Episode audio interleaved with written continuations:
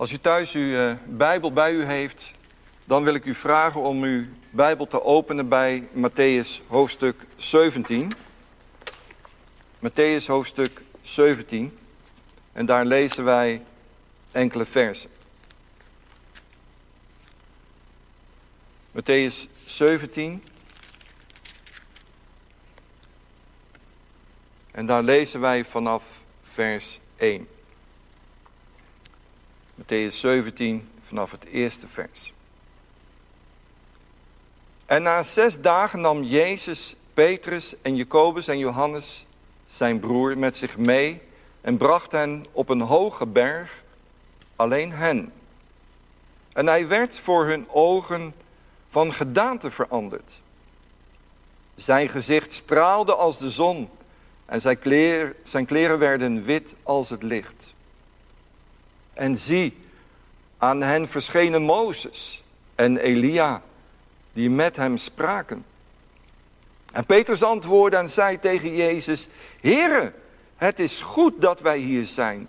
Laten wij als u wilt hier drie tenten maken. Voor u één, voor Mozes één en één voor Elia. Terwijl hij nog sprak, zie, een lichtende wolk overschaduwde hen. En zie, een stem uit de wolk zei, dit is mijn geliefde zoon, in wie ik mijn welbehagen heb. Luister naar hem. En toen de discipelen dit hoorden, wierpen zij zich met het gezicht ter aarde en werden zeer bevreesd. En Jezus kwam bij hen, raakte hen aan en zei, sta op, wees niet bevreesd. Toen zij hun ogen opsloegen, zagen zij niemand dan Jezus alleen. En toen zij van de berg afdaalden, gebood Jezus hun, vertel niemand van wat u gezien hebt, totdat de zoon des mensen opgewekt is uit de doden. En dan wil ik nog wat versen lezen vanaf vers 14. En toen zij bij de menigte gekomen waren, kwam er iemand bij hem, die voor hem op de knieën viel en zei, Heere, ontferm u over mijn zoon, want hij is maanziek en heeft veel te lijden. Want dikwijls valt hij in het vuur en dikwijls in het water. En ik heb hem bij uw discipelen gebracht, maar zij konden hem niet genezen. Jezus antwoordde en zei, O ongelovig en ontaard geslacht, hoe lang zal ik nog bij u zijn? Hoe lang zal ik u nog verdragen? Breng hem hier bij mij. En Jezus bestrafte hem en de demon ging van hem uit. En het kind was vanaf dat moment genezen. Tot zover de schriftlezing. Ik denk dat u dat ook wel eens hebt. Dagen waarop alles lukt. Op je werk gaat het lekker. De klus waar je eerst zo tegen opzag, gaat als vanzelf. Of een ingewikkeld probleem waar je mee te maken hebt, wat heel veel tijd vroeg, lost zich als het ware vanzelf op. En zo kunnen er momenten zijn dat je heel blij bent. Bijvoorbeeld omdat je, je bent jarig. Of er is een jubileum. Of je hebt een fijne dienst meegemaakt waarin de Heer je aanraakte. En je bent zo blij en zo opgewekt. Ja, en dan kan je daar wel even op teren, daar kan je wel even op vooruit. Maar dan kom je thuis en dan is ineens daar dat appje. Of dat telefoontje. Of die e-mail. Of dat nare bericht. Of die vervelende opmerking. Ineens is er gedoe en zijn er zorgen. Dat fijne gevoel en de rust die je had is ineens weg. En misschien herkent u, herken jij dat ook wel. En zeker in deze dagen, nu het coronavirus letterlijk alles ontregelt. En nu zitten we met elkaar thuis.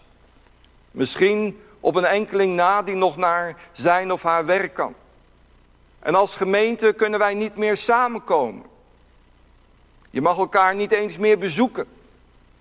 Ineens loopt alles zo anders. Binnen enkele weken is het vertrouwde, het vertrouwde leven ontregeld. Vreugde en verdriet, blijdschap en je zorgen maken. Wat ligt dat dicht bij elkaar, vindt u niet? Zo ben je op de berg vol vreugde en zo zit je in het dal en maak je je zorgen. En dat overkwam ook de discipelen. Jacobus, Petrus en Johannes waren samen met de Heer Jezus op de berg. En de traditie zegt dat het de berg Tabor was, waar dit alles gebeurde. De berg van de verheerlijking, ook wel genoemd. Ze zijn erbij als, als Jezus ineens helemaal begint te stralen. En ze zien iets van, van die hemelse heerlijkheid. Ze zien het licht, ze zien die wolk. De stem van God wordt gehoord. Wat een bijzonder moment moet dat voor hen zijn geweest. Ze waren ooggetuigen van Jezus majesteit. Wat had dat moment een diepe indruk op hen gemaakt. En als Petrus jaren later zijn tweede brief schrijft, dan spreekt hij nog steeds over dat ene moment samen met Jezus. En hij schrijft in 2 Petrus 1, vers 16 tot en met 18. Maar wij zijn ooggetuigen geweest van zijn majesteit. Want hij heeft van God de Vader eer en heerlijkheid ontvangen. Toen een stem als deze van de verheven heerlijkheid tot hem kwam. Dit is mijn geliefde zoon, in wie ik mijn welbehagen heb. In deze stem hebben wij gehoord toen deze vanuit de hemel kwam. Terwijl, we, terwijl wij met hem op de heilige berg waren.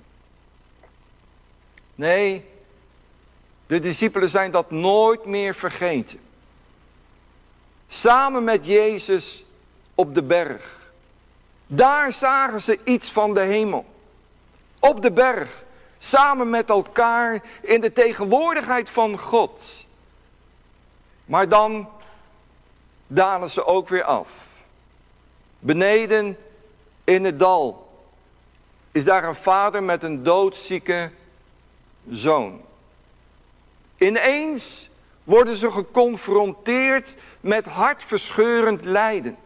Van een vader met een doodziek kind, gebonden door een demon. Wat een ellende. En zij, de discipelen, kunnen de man niet helpen. Wat ze ook proberen, het lukt ze niet.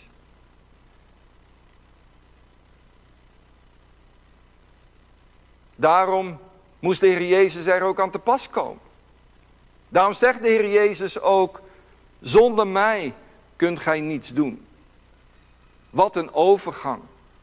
Op de berg waanden zij zich nog wel in de hemel. Ja, op de berg leek hun geloof ongelooflijk sterk. En in het dal staan ze met lege handen. En dat binnen misschien enkele uren. Wat een contrast tussen dat stukje hemel op de berg en dat moment even later in het dal. Maar beiden hebben met elkaar te maken. Want in het dal ligt namelijk hun roeping. Daar waar die nood is. Daar zijn ze geroepen om Jezus te dienen. Om de liefde van God in woorden en daden door te geven. Maar ze houden dat alleen vol door wat ze op de berg hebben gehoord en gezien. Ja, wat betekende het gebeuren voor de berg voor de Heer Jezus? Wel, we lezen dat de heerlijkheid van God hem om, om overkleedde. En zijn gezicht begon te stralen als de zon. En zijn kleren werden wit als het licht. En Mozes, en Elia verschenen aan hem. En dan is er ook nog een wolk waaruit de stem van God klinkt. Wat betekent dit allemaal? De Heer Jezus wordt op de berg door God de Vader verheerlijkt. Hij wordt daar bekrachtigd. Hij wordt daar bemoedigd. Nu, wij weten allemaal wel wat bemoediging inhoudt. Zeker als je een moeilijke weg gaat. Als de dingen in je leven anders gaan dan gedacht. Of als je aan het begin staat van een bepaalde spannende periode. Dan is het zo fijn als je een bemoediging krijgt. Een hand op je schouder. Een opbeurend woord. Iemand die voor je bidt. Even dat telefoontje van iemand. Toen Jozua voor die onmogelijke taak stond. Om het volk Israël het beloofde land in te leiden. Kreeg hij een geweldige bemoediging van God. Want God zei tegen Jozua in Jozua 1 vers 9. Heb ik het u niet geboden? Wees sterk en moedig. Schrik niet en wees niet ontsteld. Want de Heere uw God is met u overal waar u heen gaat. En Jezus wordt door de Vader zelf bemoedigd. Jezus is immers mens geworden, net als wij. En dat is het wonder van de menswording van Jezus. Hij daalde neer van zijn troon om mens te zijn. Van de stal naar het kruis droeg hij onze pijn, onze schuld. Jezus is mens geworden om ons te redden. Hij heeft zijn heerlijkheid afgelegd om bij ons in het dal te zijn. In deze aardse, zondige wereld, wat nu overweldigd wordt door die coronavirus. Hij is in alles aan ons gelijk geworden. Doch, zegt de Bijbel, zonder te zondigen. Toch had Jezus ook die bemoediging nodig. En twee keer heeft de Heer Jezus die bemoediging van God de Vader ontvangen. Twee keer klonk er een stem uit de hemel. Dit is mijn geliefde zoon, in wie ik mijn welbehagen heb.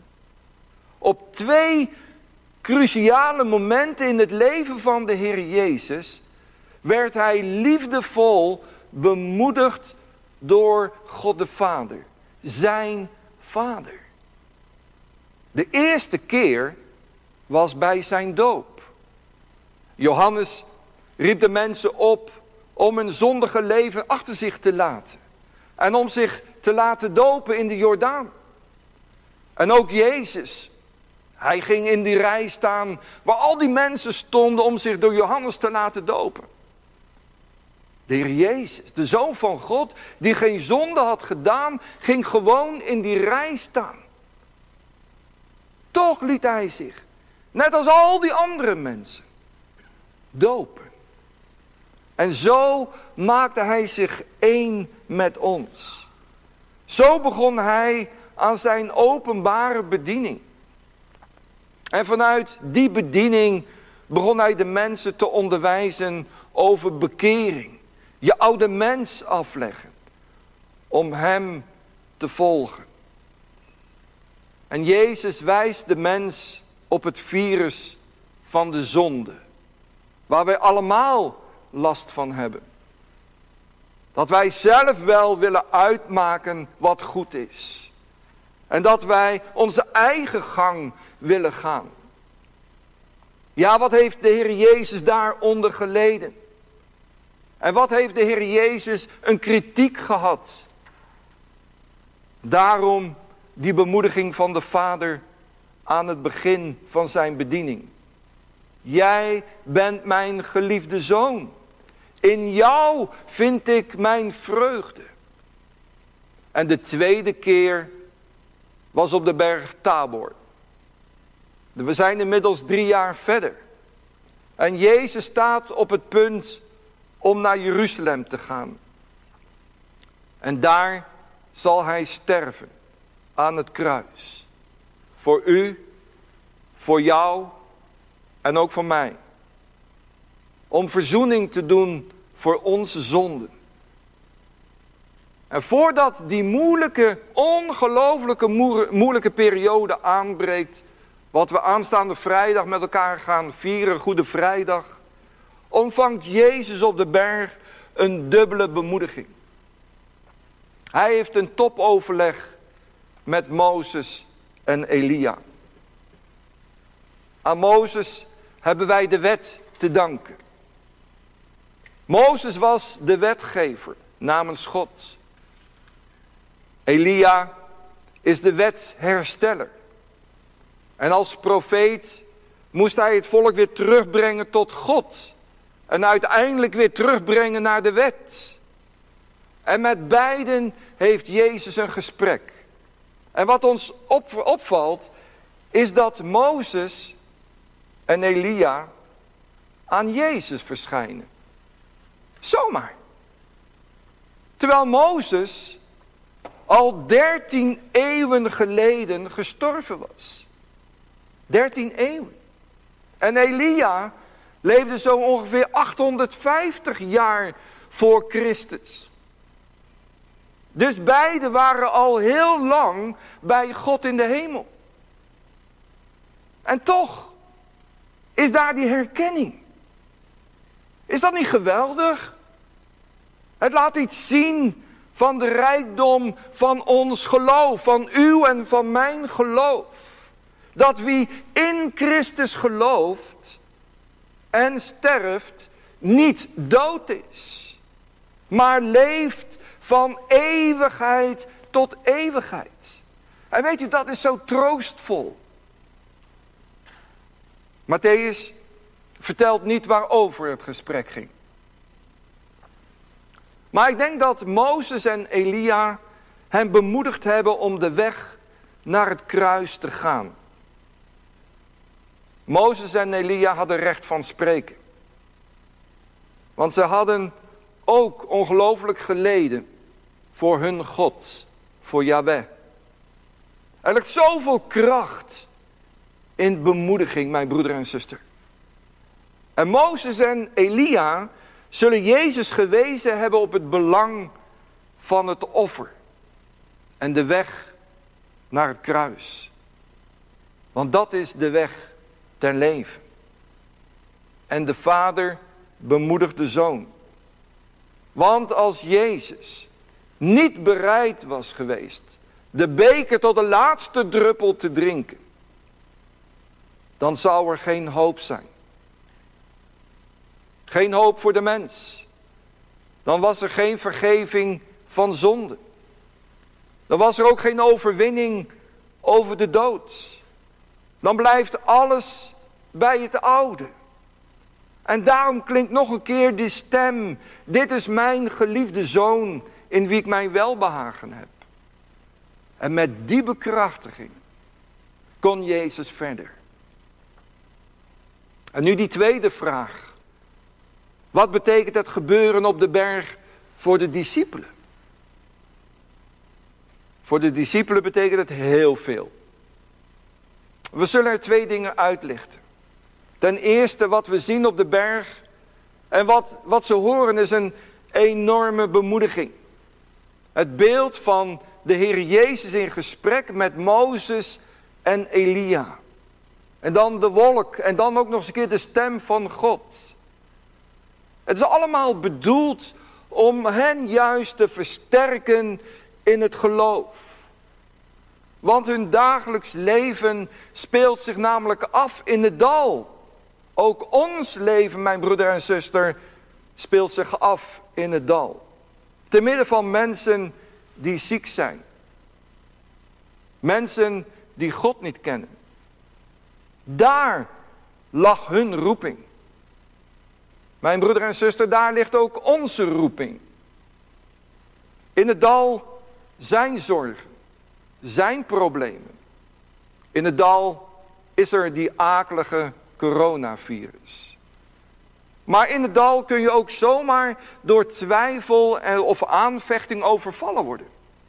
En juist in deze tijd, als we te maken hebben met eenzaamheid en we teruggeworpen worden op onszelf en onze relatie met Jezus. Om in het dal vol te houden, heb je die momenten op de berg zo hard nodig. En God, die zegt als het ware, mijn zoon, mijn dochter, het is waar. Je vergist je niet. Jezus is mijn geliefde zoon. Ik hoop en bid dat deze dienst, die we niet lijfelijk mee kunnen maken, toch een moment is dat we even met elkaar naar die berg kunnen, naar die bergtop. Dat we elkaar even mee kunnen nemen in de tegenwoordigheid van Jezus. Dat Gods geest je mag bemoedigen in uw, in jouw situatie. Dat de Heilige Geest je even mag wijzen op Jezus Christus. Weet u, Gods nieuwe wereld gaat zeker komen. Een wereld waar geen ziekte, geen zonde en dood meer is. Waar geen coronavirussen zijn. Op de berg ontvang je bemoediging. Maar er is nog iets. En dat is het tweede. Dat de discipelen een opdracht ontvangen. Want God voegt iets toe aan de woorden die hij bij de doop ook sprak. Dit is mijn geliefde zoon in wie ik mijn welbehagen heb. En dan zegt hij, luister naar hem. Dat is wat God van zijn discipelen vraagt en dat is ook wat hij van ons vraagt. Luister naar hem. Dat is de opdracht van God voor ons als wij in het dal zijn. Voor in het dagelijks leven. Als we iedere keer die berichten over de coronavirus horen. Die ontmoediging, dood, ziekte. Dan zegt God tegen u en mij, luister naar de Heer Jezus Christus. En als God dat gezegd heeft, zien de discipelen niemand anders dan alleen Jezus.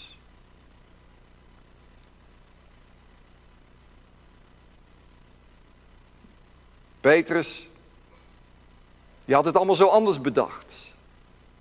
Hij wilde nog drie tenten opzetten. Eentje voor Mozes, eentje voor Elia en eentje voor de Heer Jezus zelf. Hij wilde daar op die bergtop blijven. Toch fijn om in die hemelse atmosfeer te zijn dan, dan wil je daar toch niet weg. En toch was dat niet de bedoeling. Dat is ons mensen toch niet vreemd. Als we een fijne samenkomst hebben gehad. We zien iets van die heerlijkheid van de Heer Jezus. We ervaren zijn tegenwoordigheid.